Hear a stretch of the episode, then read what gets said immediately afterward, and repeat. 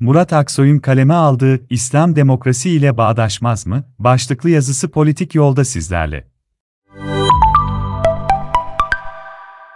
Türkiye gündeminde tartışmalar bitmiyor. Her gün birden fazla tartışma kamusal gündem oluyor.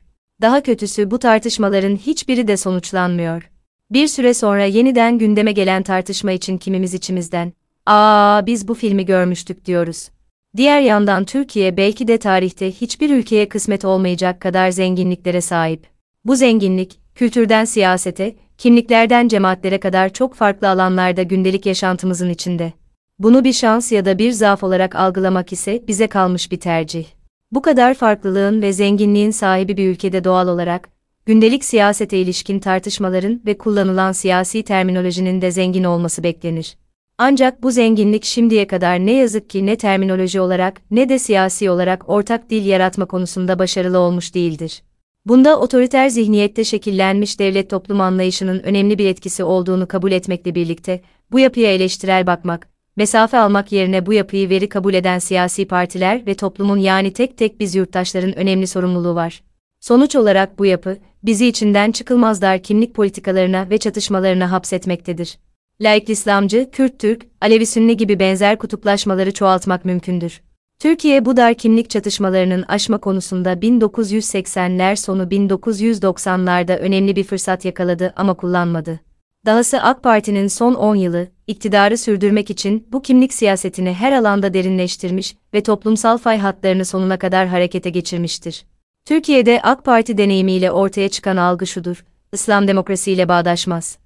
Peki bu ne kadar doğrudur? Bunun için önce iki kavramı tek tek ele alalım. Demokrasi. Demokrasi kavramından başlayalım. Halkın kendi kendini yönetmesi olan demokrasi tarihin farklı dönemlerinde farklı anlam ve uygulamalarla hayata geçmiştir. Klasik Yunan kenta devletlerindeki doğrudan demokrasi uygulamasından bugüne farklı coğrafyalarda, farklı kültürlerde farklı uygulamalar olarak karşımızda çıkmıştır demokrasi uygulaması. Ancak tüm bu farklı farklı uygulamaların hepsinin ortak bir noktası ise güç sahibi olanlara karşı toplumsal taleplerin sürekli var olmasıdır. Bu anlamda demokrasinin dönüşümü, devlet-sivil toplum arasında bir mücadeleye bağlı olmuştur. Bugün klasik demokrasinin yetersizliklerine karşı çoğulcu, katılımcı demokrasi arayışı da, aynı şekilde otoriter popülist liderlerin demokrasiyi gereksiz bir mekanizma olarak görmesi de bu mücadelenin bir yansımasıdır.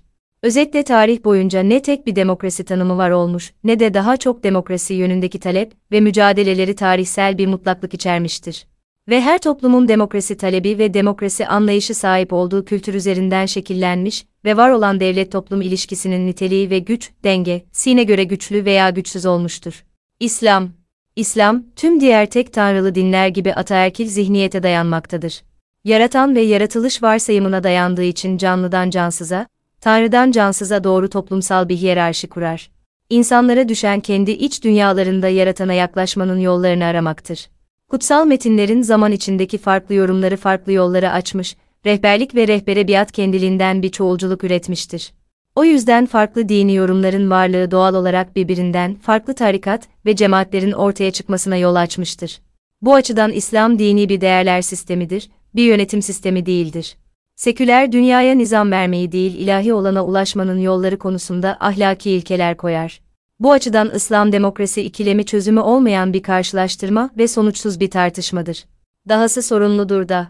Özetle dinler kamusal alana değil özel alanı, demokrasi ise özel alanı değil kamusal alanla ilgilenirler.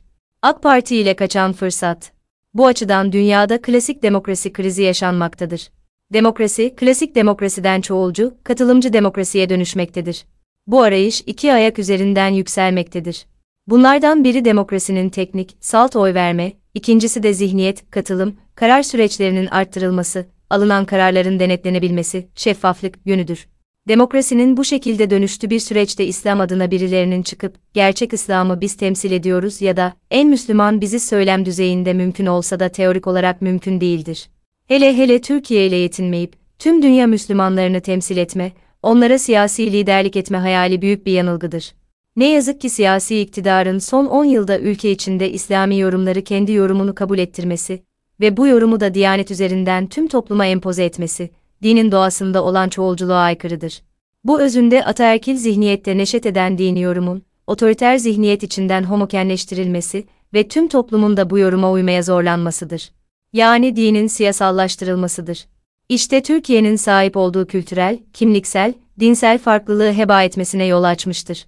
Bu açıdan siyasallaştırılan İslam doğal olarak iflas etmiştir.